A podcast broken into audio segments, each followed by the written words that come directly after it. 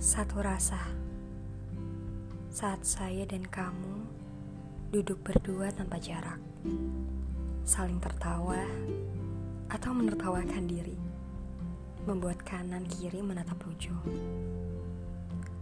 Satu rasa saat saya dan kamu mencari celah untuk menatap, tapi ternyata hanya saya yang merasa. Satu rasa saat kamu dan kata-katamu menyentuh jiwa, menciptakan nyaman, dan satu rasa yang tak seharusnya dirasa, yaitu cinta.